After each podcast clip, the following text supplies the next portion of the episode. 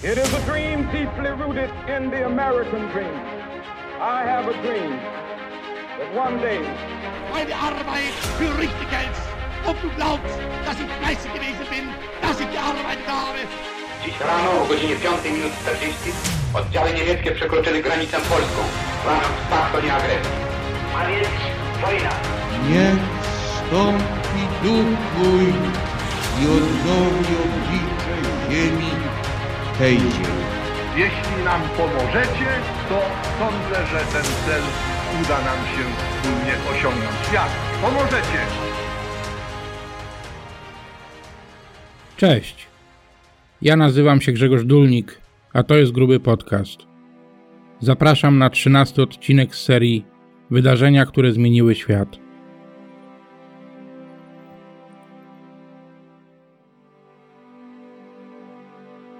Niewiele jest w polskiej historii bitew, które w zgodnej opinii nie tylko polskich, ale i zagranicznych historyków decydowały o dziejach świata.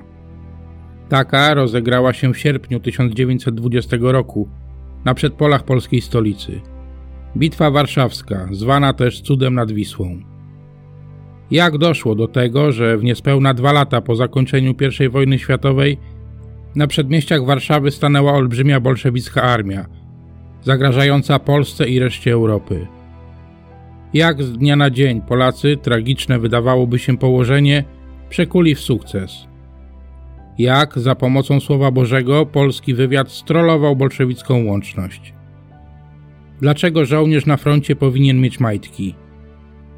No i dlaczego Bitwa Warszawska została uznana za osiemnastą, najważniejszą bitwą w dziejach świata? Zapraszam. 11 listopada 1918 roku w kolejowym wagonie sztabowym w Compiègne, gdzie mieściła się kwatera marszałka Francji Ferdynanda Fosza, podpisano zawieszenie broni pomiędzy aliantami a Niemcami, kończące I wojnę światową. Po 123 latach na mapę Europy powraca niepodległa Polska, ale na starym kontynencie zachodzą o wiele głębsze zmiany. Na gruzach trzech cesarstw niemieckiego, rosyjskiego oraz austro-węgierskiego powstają nowe państwa. Niepodległość ogłaszają Finlandia, Estonia, Łotwa, Litwa, Białoruś, Ukraina, Czechy, Węgry, Gruzja, Armenia oraz Azerbejdżan. Ogłaszane są także nowe ustroje. W Niemczech po zaznaniu wojennych klęsk abdykuje cesarz Wilhelm II, a do władzy dochodzą robotnicy. W Rosji w wyniku zbrojnego przewrotu pełnię władzy przejmują bolszewicy.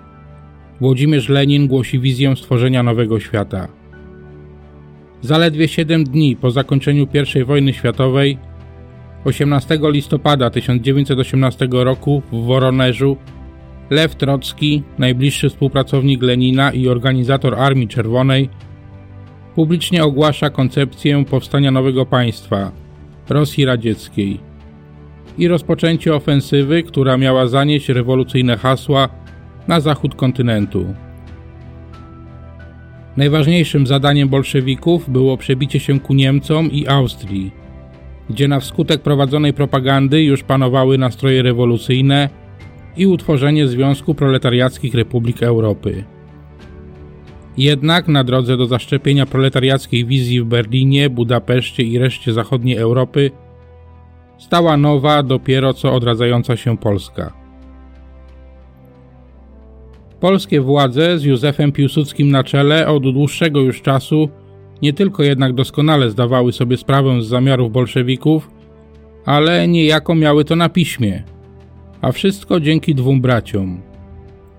Józef i Marian Lutosławscy, działacze polskiej organizacji w Moskwie. Wykradli i przekazali na ręce arcybiskupa Aleksandra Kakowskiego w Warszawie tajny dokument. Był to tekst nieoficjalnego porozumienia pomiędzy Niemcami, Austrią oraz bolszewicką Rosją, które zawarte zostało 22 grudnia 1917 roku w Brześciu.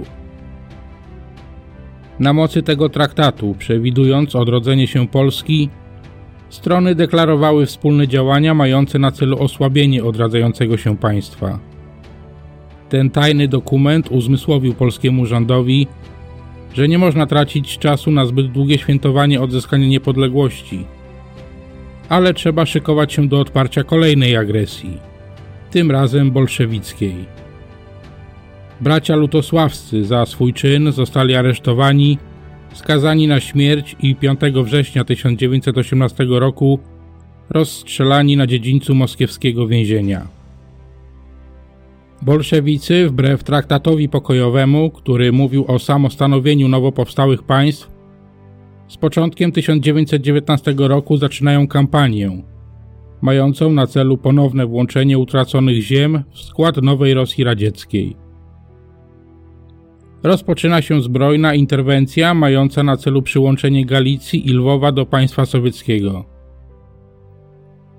12 stycznia 1919 roku dowództwo Armii Czerwonej wydało rozkaz do operacji o jednoznacznym kryptonimie Wisła. Jej celem była sowietyzacja odradzającej się Polski, co miało być jednym z pierwszych etapów rozpętania rewolucji bolszewickiej w krajach Europy Zachodniej. Zaczyna się marsz Armii Czerwonej w stronę Polski. Tak, choć bez formalnego wypowiedzenia wojny przez żadną ze stron, rozpoczyna się wojna polsko-bolszewicka, która doprowadzi w sierpniu 1920 roku do Bitwy Warszawskiej, zwanej także Cudem nad Wisłą. By ponieść rewolucyjną wizję świata na zachód Europy, bolszewicy potrzebowali wielkiej armii. Stworzenia po upadku carskiego wojska nowej robotniczo-chłopskiej Armii Czerwonej podjął się Lew Trocki. W kwietniu 1918 roku władze radzieckie ogłosiły przymusowy pobór, ale i bez tego sowieckie szeregi rosły w błyskawicznym tempie. Dla robotników i chłopów armia często była jedynym wybawieniem od powojennej biedy i głodu. W 1918 roku Armia Czerwona liczyła 374 tysiące żołnierzy. Rok później było ich już 2 miliony 300 tysięcy, a w roku 1920 4,5 miliona.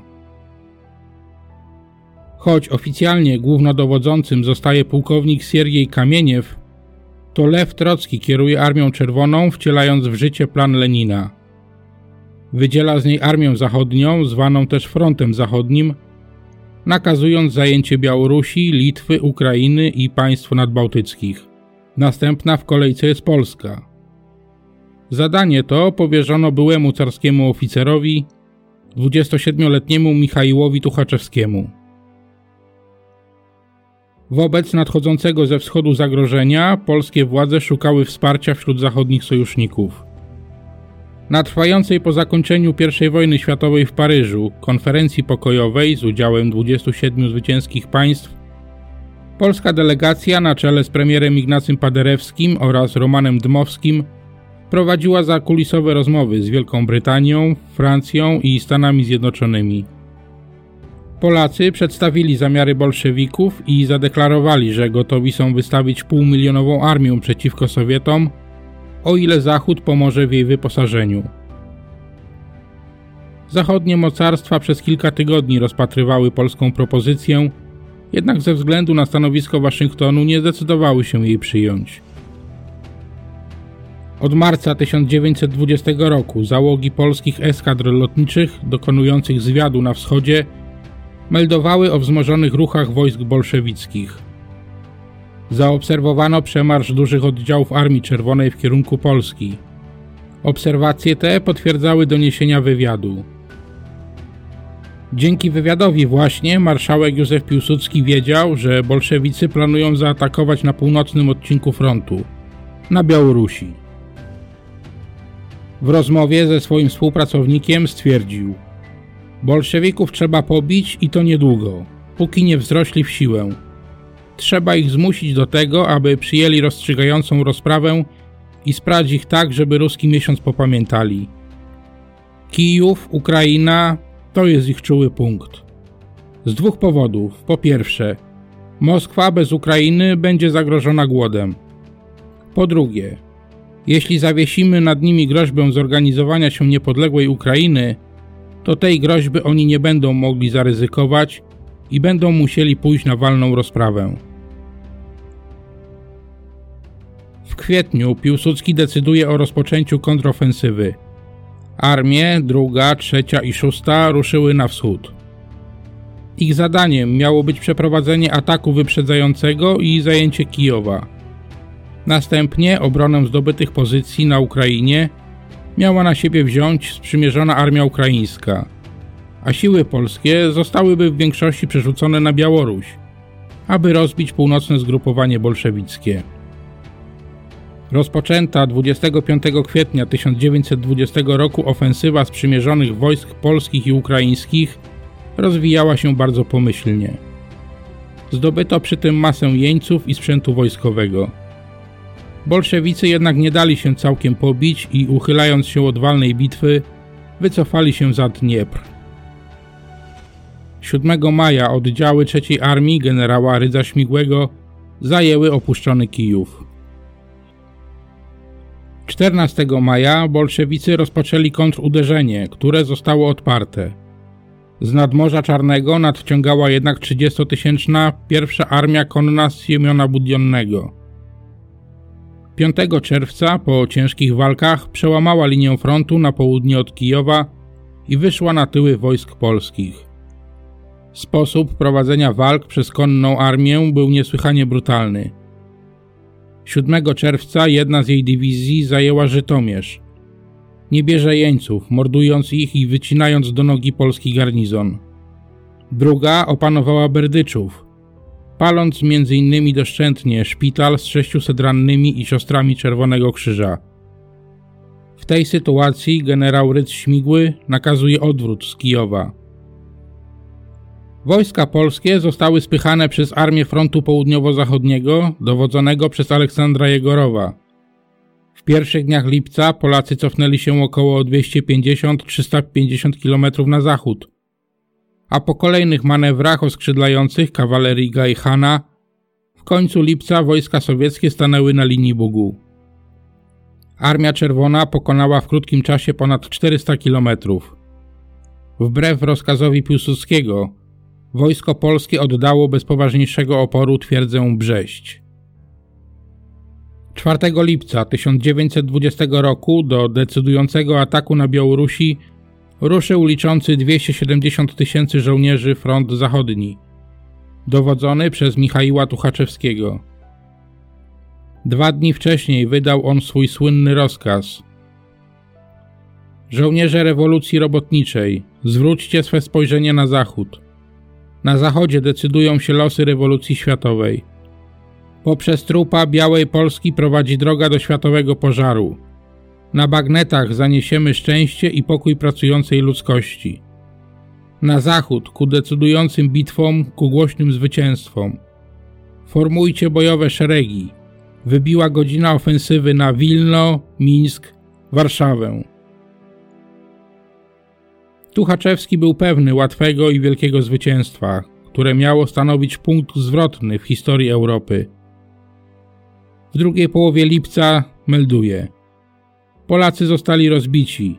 Wojnę zakończymy za dwa tygodnie. Równolegle do ofensywy militarnej bolszewicy prowadzą ofensywę polityczną i propagandową. W Moskwie odbywa się drugi kongres Kominternu, czyli Międzynarodówki Komunistycznej, założonej z inicjatywy Lenina przez 19 międzynarodowych partii komunistycznych, w tym Komunistycznej Partii Polski. Na kongresie delegaci deklarują: Zadanie proletariatu wszystkich krajów polega na tym, aby przeszkadzać rządom Anglii, Francji, Ameryki i Włoch w okazywaniu przez nie pomocy Polsce.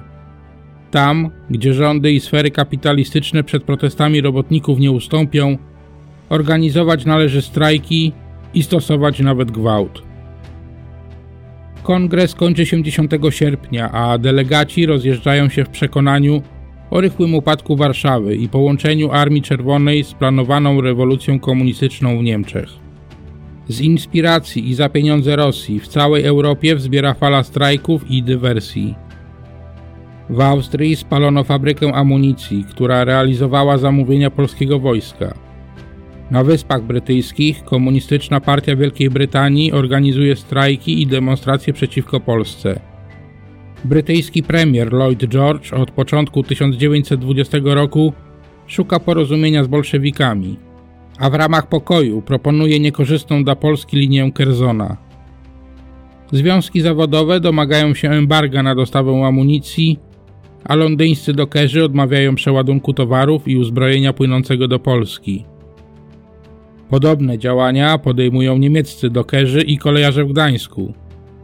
Gdy gdański senat nie wyraża zgody na wpłynięcie do portu holenderskiego transportowca wiozącego uzbrojenie dla walczącej Polski, udaje się go rozładować dzięki barkom, na które Kaszubi przenoszą broń i amunicję ze statku nie mogącego zawinąć do portu. Następnie barki Wisłą płyną do Tczewa, gdzie polscy robotnicy przeładowują je do pociągów. Sytuacja zaostrza się także na południu, gdzie Czesi, korzystając z sytuacji, zajmują Zaolzie. Blokują także tranzyt broni, odmawiając przejścia przez swoje terytorium Węgrom, którzy jako jedyny sojusznik zaoferowali Polsce cały swój zapas amunicji. Ostatecznie węgierska broń dostarczana jest okrężną drogą przez Rumunię.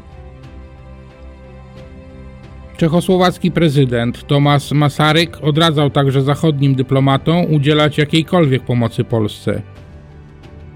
Masaryk był przekonany, że wojsko polskie nie zdoła odeprzeć nawały bolszewików, a uciskani polscy robotnicy i chłopi przywitają czerwonych komisarzy chlebem i solą.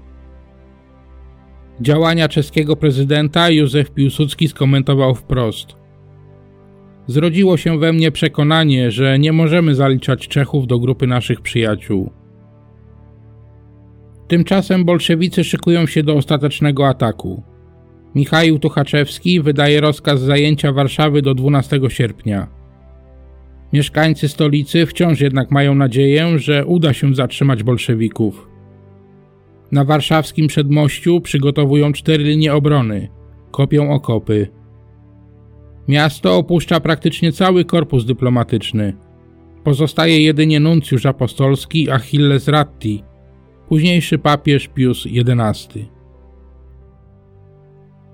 Powołana zostaje Rada Obrony Państwa, w skład której wchodzą m.in. marszałek Józef Piłsudski, premier Wincenty Witos, wicepremier Ignacy Daszyński, marszałek Sejmu Wojciech Trąbczyński. Jednym z pierwszych działań Rady było wydanie dramatycznej odezwy do narodu. Jak jednolity, niewzruszony mur stanąć musimy do oporu. O pierś całego narodu rozbić się ma nawała bolszewizmu.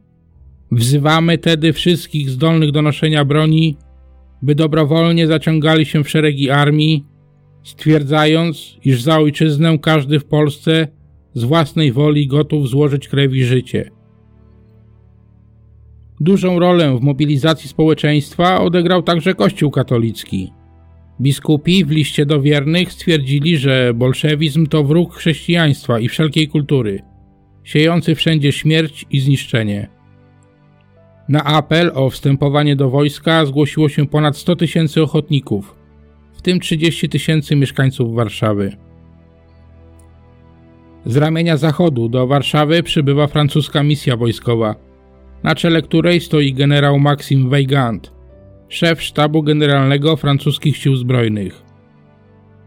Piłsudski przy powitaniu Weyganda nie kryje irytacji postępowaniem Zachodu, złośliwie pytając: Ile dywizji pan przywiózł? W rzeczywistości bowiem cała francuska misja pokojowa kończy się na kilku oficerach, którzy pełnić mieli rolę obserwatorów i doradców. Gwoli sprawiedliwości trzeba jednak wspomnieć, że Francuzi obok Węgrów byli jedynym państwem, które wsparło polskie wojsko materialnie. Francja przyznała Polsce kredyt w wysokości 575 milionów franków, a następnie dostarczyła 2000 dział, 3000 karabinów maszynowych, kilkadziesiąt tysięcy karabinów, 300 samolotów i dużą liczbę mundurów wojskowych. We Francji powstała także i została wyposażona oraz wyszkolona tzw. Tak Błękitna Armia generała Józefa Hallera, która w 1919 roku przybyła do Polski i wydatnie, bo w liczbie ponad 65 tysięcy żołnierzy, wzmocniła wojsko polskie. W ramach Błękitnej Armii utworzono także pierwszy pułk czołgów, który Francuzi wyposażyli w 120 czołgów Renault FT. Pułk czołgów do Polski przybył wraz z armią Hallera, co uczyniło polskie wojsko czwartą siłą na świecie po Wielkiej Brytanii, Francji i Stanach Zjednoczonych pod względem sił wojsk pancernych. W sierpniu 1920 roku czołgi te wzięły udział w Bitwie Warszawskiej. Wykorzystano je m.in. w czasie zaciętych walk o Radzymin, ataku na Mińsk Mazowiecki oraz Muławę. Na Kremlu Włodzimierz Lenin nakreśla ostateczny plan ataku na polską stolicę. Plan, który będzie miał wielkie znaczenie dla późniejszych losów bitwy. Lenin pod wpływem triumfalnych meldunków z frontu o rozbiciu polskich wojsk i przewidywaniach łatwego oraz szybkiego zdobycia Warszawy zmienia plan bojowych działań. Zamiast jednoczesnego i skoncentrowanego ataku na Warszawę, wojsk Armii Czerwonej operujących na Białorusi i Ukrainie dzieli siły. W stronę Lwowa kieruje front południowo-zachodni z pierwszą armią konną Budionnego pod dowództwem Aleksandra Jegorowa i Józefa Stalina. Prawe skrzydło wojsk Tuchaczewskiego z korpusem kawalerii Gajchana otrzymuje zadanie odcięcia Polski od Gdańska i morza, a centrum sił Tuchaczewskiego skierowane zostaje na Modlin i Warszawę praktyce Armia Czerwona utworzyła dwa fronty, pomiędzy którymi znajdowała się dość spora luka. Tego obszaru bronić miała tzw. Tak grupa mozyrska, czyli słaby osłonowy oddział frontu zachodniego. Im bardziej armia Tuchaczewskiego zbliżała się do stolicy, tym bardziej ta luka pomiędzy dwoma frontami się powiększała i tym bardziej słabła siła grupy mozyrskiej. Piłsudski, wiedząc o ruchach bolszewickich wojsk, dość szybko zorientował się, że Sowieci popełniają duży błąd. Luki w centrum broniła jedynie słaba grupa mozyrska, a lewego skrzydła nie było wcale. Tuchaczewski zdawał sobie sprawę z niefortunnego położenia, w jakim znalazła się jego armia i wysłał do Moskwy meldunek. Wskazywał w nim na słabą stronę planu i prosił o przerwanie ataku na Wilno, by armia Jegorowa i Stalina dołączyła do ataku na Warszawę i utworzyła brakujące właśnie lewe skrzydło. Tuchaczewski nie przewidział tylko jednego, że Stalin, prowadzący własną wojnę, obliczoną na zbicie politycznego kapitału, nie miał zamiaru odsyłać armii i zignoruje rozkaz z Moskwy. Za wszelką cenę będzie starał się zdobyć Lwów, co miałoby duże znaczenie w jego politycznej karierze. Zdanie Stalina podzielał również Jegorow. Wiedział, że oddanie części wojsk Tuchaczewskiemu przekreśliłoby szansę na zdobycie Lwowa. Ale skąd Piłsudski wiedział o planach bolszewików, dzięki czemu mógł odkryć strategiczny błąd w położeniu sowieckich wojsk? Olbrzymią rolę w tej sprawie odegrał polski radiowywiad, utworzony przez dowództwo wojsk polskich w grudniu 1918 roku. Jego utworzenie zapoczątkowane zostało przez zdobycie w Cytadeli Warszawskiej niemieckiej radiostacji dalekiego zasięgu. Polski radiowywiad przechwytywał sowieckie plany i rozkazy, jednakże radiowe depesze były zaszyfrowane. I tutaj do gry wchodzą polscy kryptolodzy. Wybitny matematyk Wacław Sierpiński wraz ze swoim młodszym kolegą Stefanem Mazurkiewiczem, późniejszym rektorem Uniwersytetu Warszawskiego, oraz Stanisławem Leśniewskim zdołali złamać bolszewickie szyfry. Dzięki ich mrówczej pracy w kluczowym momencie wojny polsko-bolszewickiej Polacy znali sowieckie rozkazy i ruchy wojsk nieprzyjaciela. Ale poniemiecka radiostacja w późniejszym czasie miała jeszcze w inny sposób przyczynić się do wielkiego polskiego zwycięstwa. W stolicy słychać już było odgłosy toczonych walk, co tylko potęgowało mobilizację pośród jej mieszkańców. Na ulicach propagandowe plakaty wzywają do walki z wrogiem. Władysław Broniewski, poeta i żołnierz Legionów Polskich, zapisał to tak. Mobilizują się przeróżne bractwa szewskie, mobilizują się banderie, kancelarie idą na front. Jednym słowem, pospolite ruszenie. Obrona stolicy stała się świętym obowiązkiem każdego Polaka. Wśród najstarszych ochotników są weterani powstania styczniowego. Wśród najmłodszych blisko 30 tysięcy harcerzy i harcerek. Po raz pierwszy w historii polskie kobiety w obronie kraju formalnie zrzeszają się w Ochotniczej Legii Kobiet. W szczytowym momencie Legia przyciągnęła ponad 2,5 tysiąca kobiet, które m.in. pracują jako sanitariuszki, organizują zapasy żywności, szyją żołnierską bieliznę. Wbrew pozorom, nawet tak prozaiczny szczegół jak bielizna miał ważne znaczenie dla morale żołnierzy. Polskie kobiety napisały więc list do arcybiskupa warszawskiego Aleksandra Kakowskiego, w którym zaproponowały pomoc w szyciu bielizny dla żołnierzy. Przede wszystkim wojsku brak bielizny.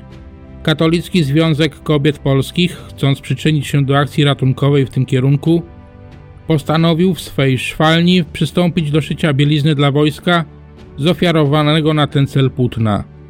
Warszawa, która dawała niejednokrotnie bieliznę dla Lwowa i Wilna, dla wojska i do szpitali miejscowych, przy obecnych cenach płótna nie będzie mogła ubrać żołnierza bez pomocy wsi, gdzie domowy przemysł tkacki swobodnie może zapobiec brakowi. Odwołujemy się przeto do najczcigodniejszych naszych pasterzy, a w szczególności do Waszej Ekscelencji, z gorącą i pokorną prośbą, żeby zechciał łaskawie zarządzić powszechną zbiórkę płótna po wsiach i miastach swej diecezji na rzecz żołnierza polskiego. Bolszewicy nigdy nie liczyli się z ludźmi. Żołnierze Armii Czerwonej chodzili więc boso, w zniszczonej odzieży, a karabiny nosili na sznurkach. Wizerunek ten wykorzystał premier Wincenty Witos w swojej odezwie do żołnierzy polskich z dnia 6 sierpnia 1920 roku, w której zagrzewał Polaków do walki. Niech was nie zniechęcają chwilowe braki. Sami wiecie, że bolszewiccy żołnierze walczą bez butów, w łachmanach, bez bielizny. Wam nie brakuje ani amunicji, ani broni, a odzieży i butów rząd wam dostarczy. W czasie wojny nawet tak podstawowe rzeczy wpływać mogą na przebieg bitew. Wraz ze wzrostem potrzeb kobiety ramią w ramię z mężczyznami walczą także na pierwszej linii frontu. Widoczne są we wszystkich rodzajach wojsk, oprócz pancernych i lotnictwa. Do obrony włącza się także Kościół katolicki. Arcybiskup Kakowski nakazuje duchownym trwać na stanowiskach i przydziela do armii wielu kapelanów. Dołączają również inne wyznania. Józef Piłsudski i szef sztabu, generał Tadeusz Rozwadowski, opracowywali plan polskiej kontrofensywy. Kluczową rolę miał odegrać manewr wojska polskiego oskrzydlający Armię Czerwoną wyprowadzony z Nadwieprza, przy jednoczesnym związaniu głównych sił bolszewickich na przedpolach Warszawy. Był to szalenie ryzykowny manewr, ale tak po prawdzie innego wyjścia Polacy nie mieli. Piłsudski planował przeprowadzenie takiej roszady już wcześniej, ale dynamiczny odwrót polskich wojsk i oddanie Brześcia bez większego oporu skutecznie zniweczył plany marszałka. Nowa lokalizacja, praktycznie na przedpolach stolicy, stanowiła więc jedyną szansę na przeprowadzenie tego manewru.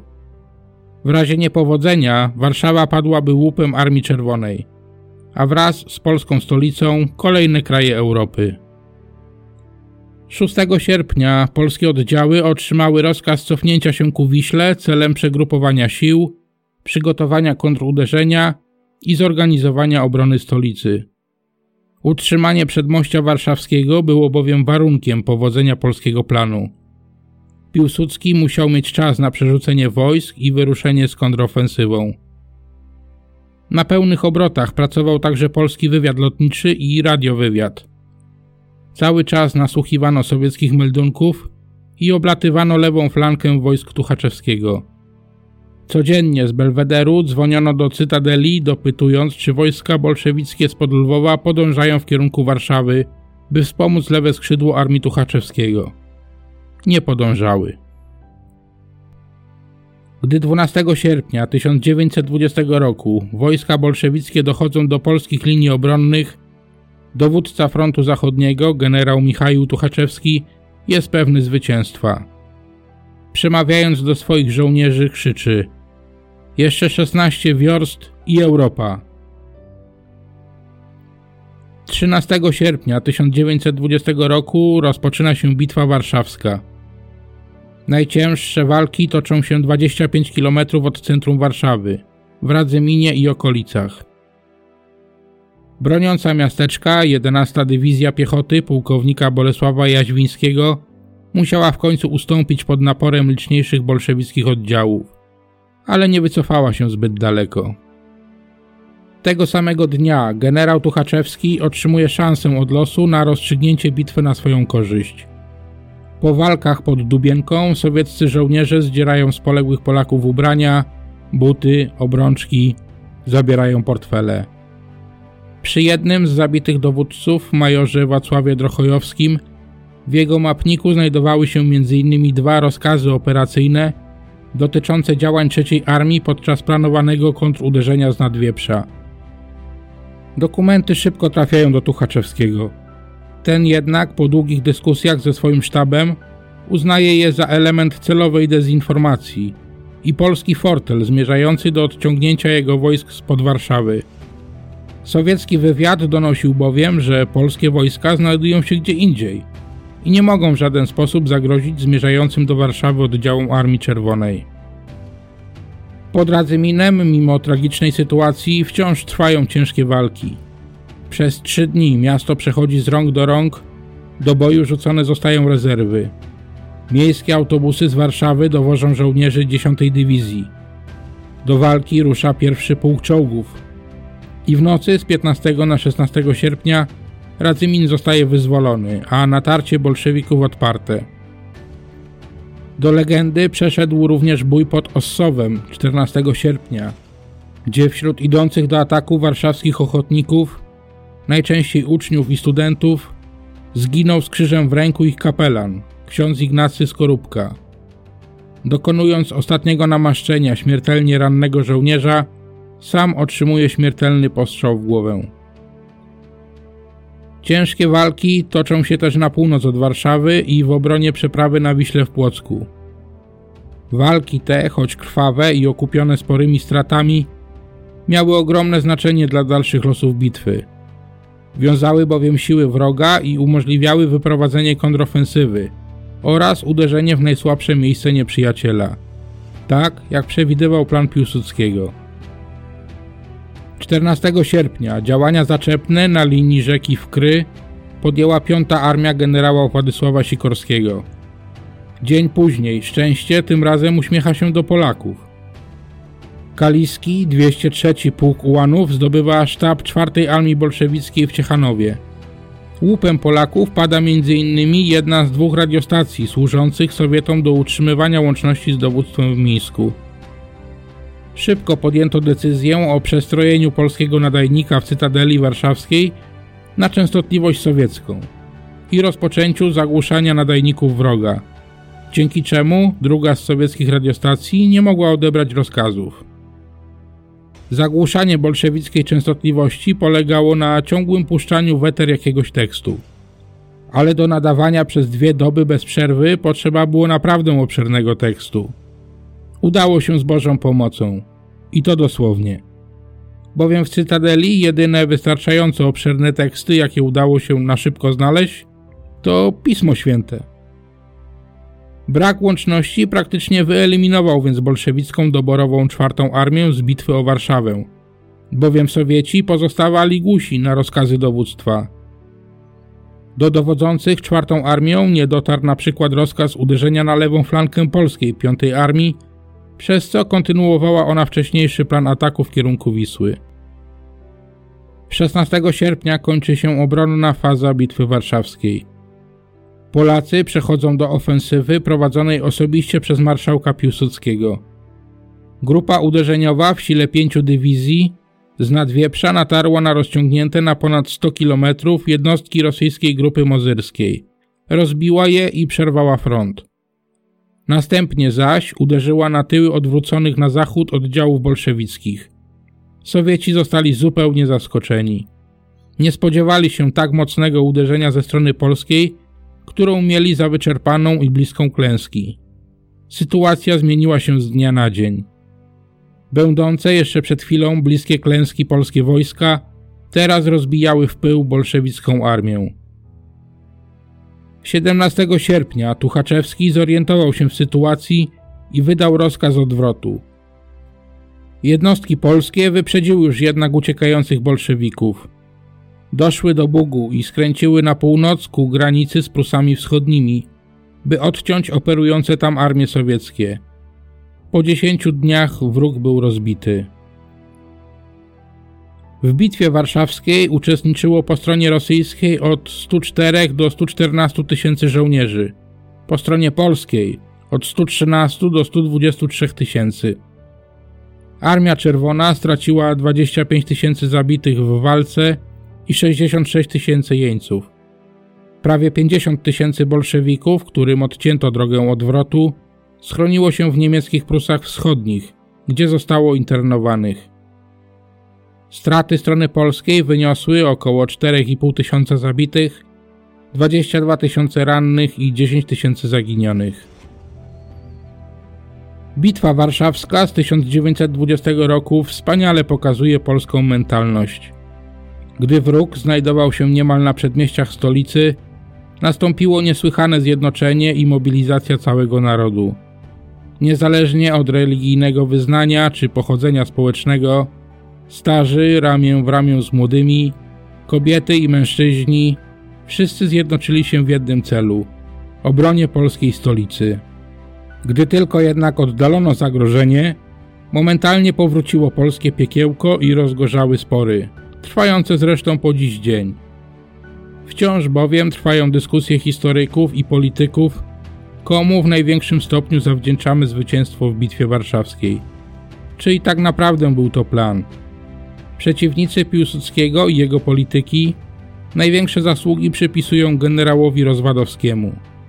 Zwolennicy Piłsudskiego z kolei w nim widzą jedynego autora polskiej wiktorii. Doszło do tego, że aby umniejszyć zasługi marszałka w wygranej nad bolszewikami, zaczęto mieszać w to wszystko siły boskie. Nie bez powodu ukuło się powiedzenie o cudzie nad Wisłą. Lepsze od Piłsudskiego były też gwiazdy. Po powrocie do domu marszałek na swoim biurku znalazł kartkę, którą ktoś położył tam podczas jego nieobecności.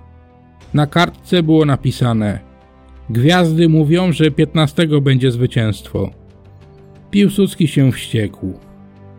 Ja tyle włożyłem pracy mózgu w moje koncepcje, w swój plan, tyle musiałem zwalczać przeszkód, aby wprowadzić je w życie, a okazuje się, że we wszystkim nie było nic mego. Wszystko zrobiły gwiazdy. Miał też wielki żal do polskiego społeczeństwa za to, że uwierzyło, jakoby plan zwycięskiej bitwy i samo zwycięstwo zawdzięczać należało francuskiemu generałowi Weigandowi, a nie polskiemu wodzowi i polskiemu żołnierzowi. Nie bez kozery Piłsudski stwierdził kiedyś: Naród wspaniały, ale ludzie kurwy. Trudno odmówić racji tym słowom, skoro z większym uznaniem o polskim zwycięstwie nad bolszewikami mówili za granicą niż w Polsce. Francuski generał Maxim Weygand, który został doradcą w sztabie generalnym Wojska Polskiego i konsultował plan decydującego uderzenia w Bitwie Warszawskiej, choć w Paryżu uznali go za twórcę tego sukcesu, a i w Polsce był fetowany, szczególnie przez środowiska prawicowe, zaprzeczał takim opiniom. Podkreślał wielokrotnie, że zasługi należy przypisać polskim dowódcom i polskim żołnierzom, a plan bitwy pod Warszawą był planem polskim i opracowanym przez polski sztab generalny. To zwycięstwo jest zwycięstwem polskim. Także brytyjski dyplomata i ambasador w przedwojennej Polsce, Lord Edgard Vincent d'Abernon, już w tytule swej książki nazwał Bitwę Warszawską 18. decydującą bitwą w dziejach świata. W jednym z artykułów opublikowanych w sierpniu 1930 roku pisał: Współczesna historia cywilizacji zna mało wydarzeń posiadających znaczenie większe od bitwy pod Warszawą w roku 1920. Nie zna zaś ani jednego, które by było mniej docenione. Gdyby bitwa pod Warszawą zakończyła się zwycięstwem bolszewików, nastąpiłby punkt zwrotny w dziejach Europy. Nie ulega bowiem wątpliwości, iż z upadkiem Warszawy środkowa Europa stanęłaby otworem dla propagandy komunistycznej i dla sowieckiej inwazji. Zadaniem pisarzy politycznych jest wytłumaczenie europejskiej opinii publicznej, że w roku 1920 Polska zbawiła Europę. Bardzo dziękuję za uwagę. Jeśli Wam się podobało, będę wdzięczny za podzielenie się podcastem ze znajomymi. Zapraszam też na moje kanały w social mediach, gdzie możecie zostawić recenzję, komentarz lub łapkę w górę. Do usłyszenia w kolejnym odcinku podcastu. Cześć!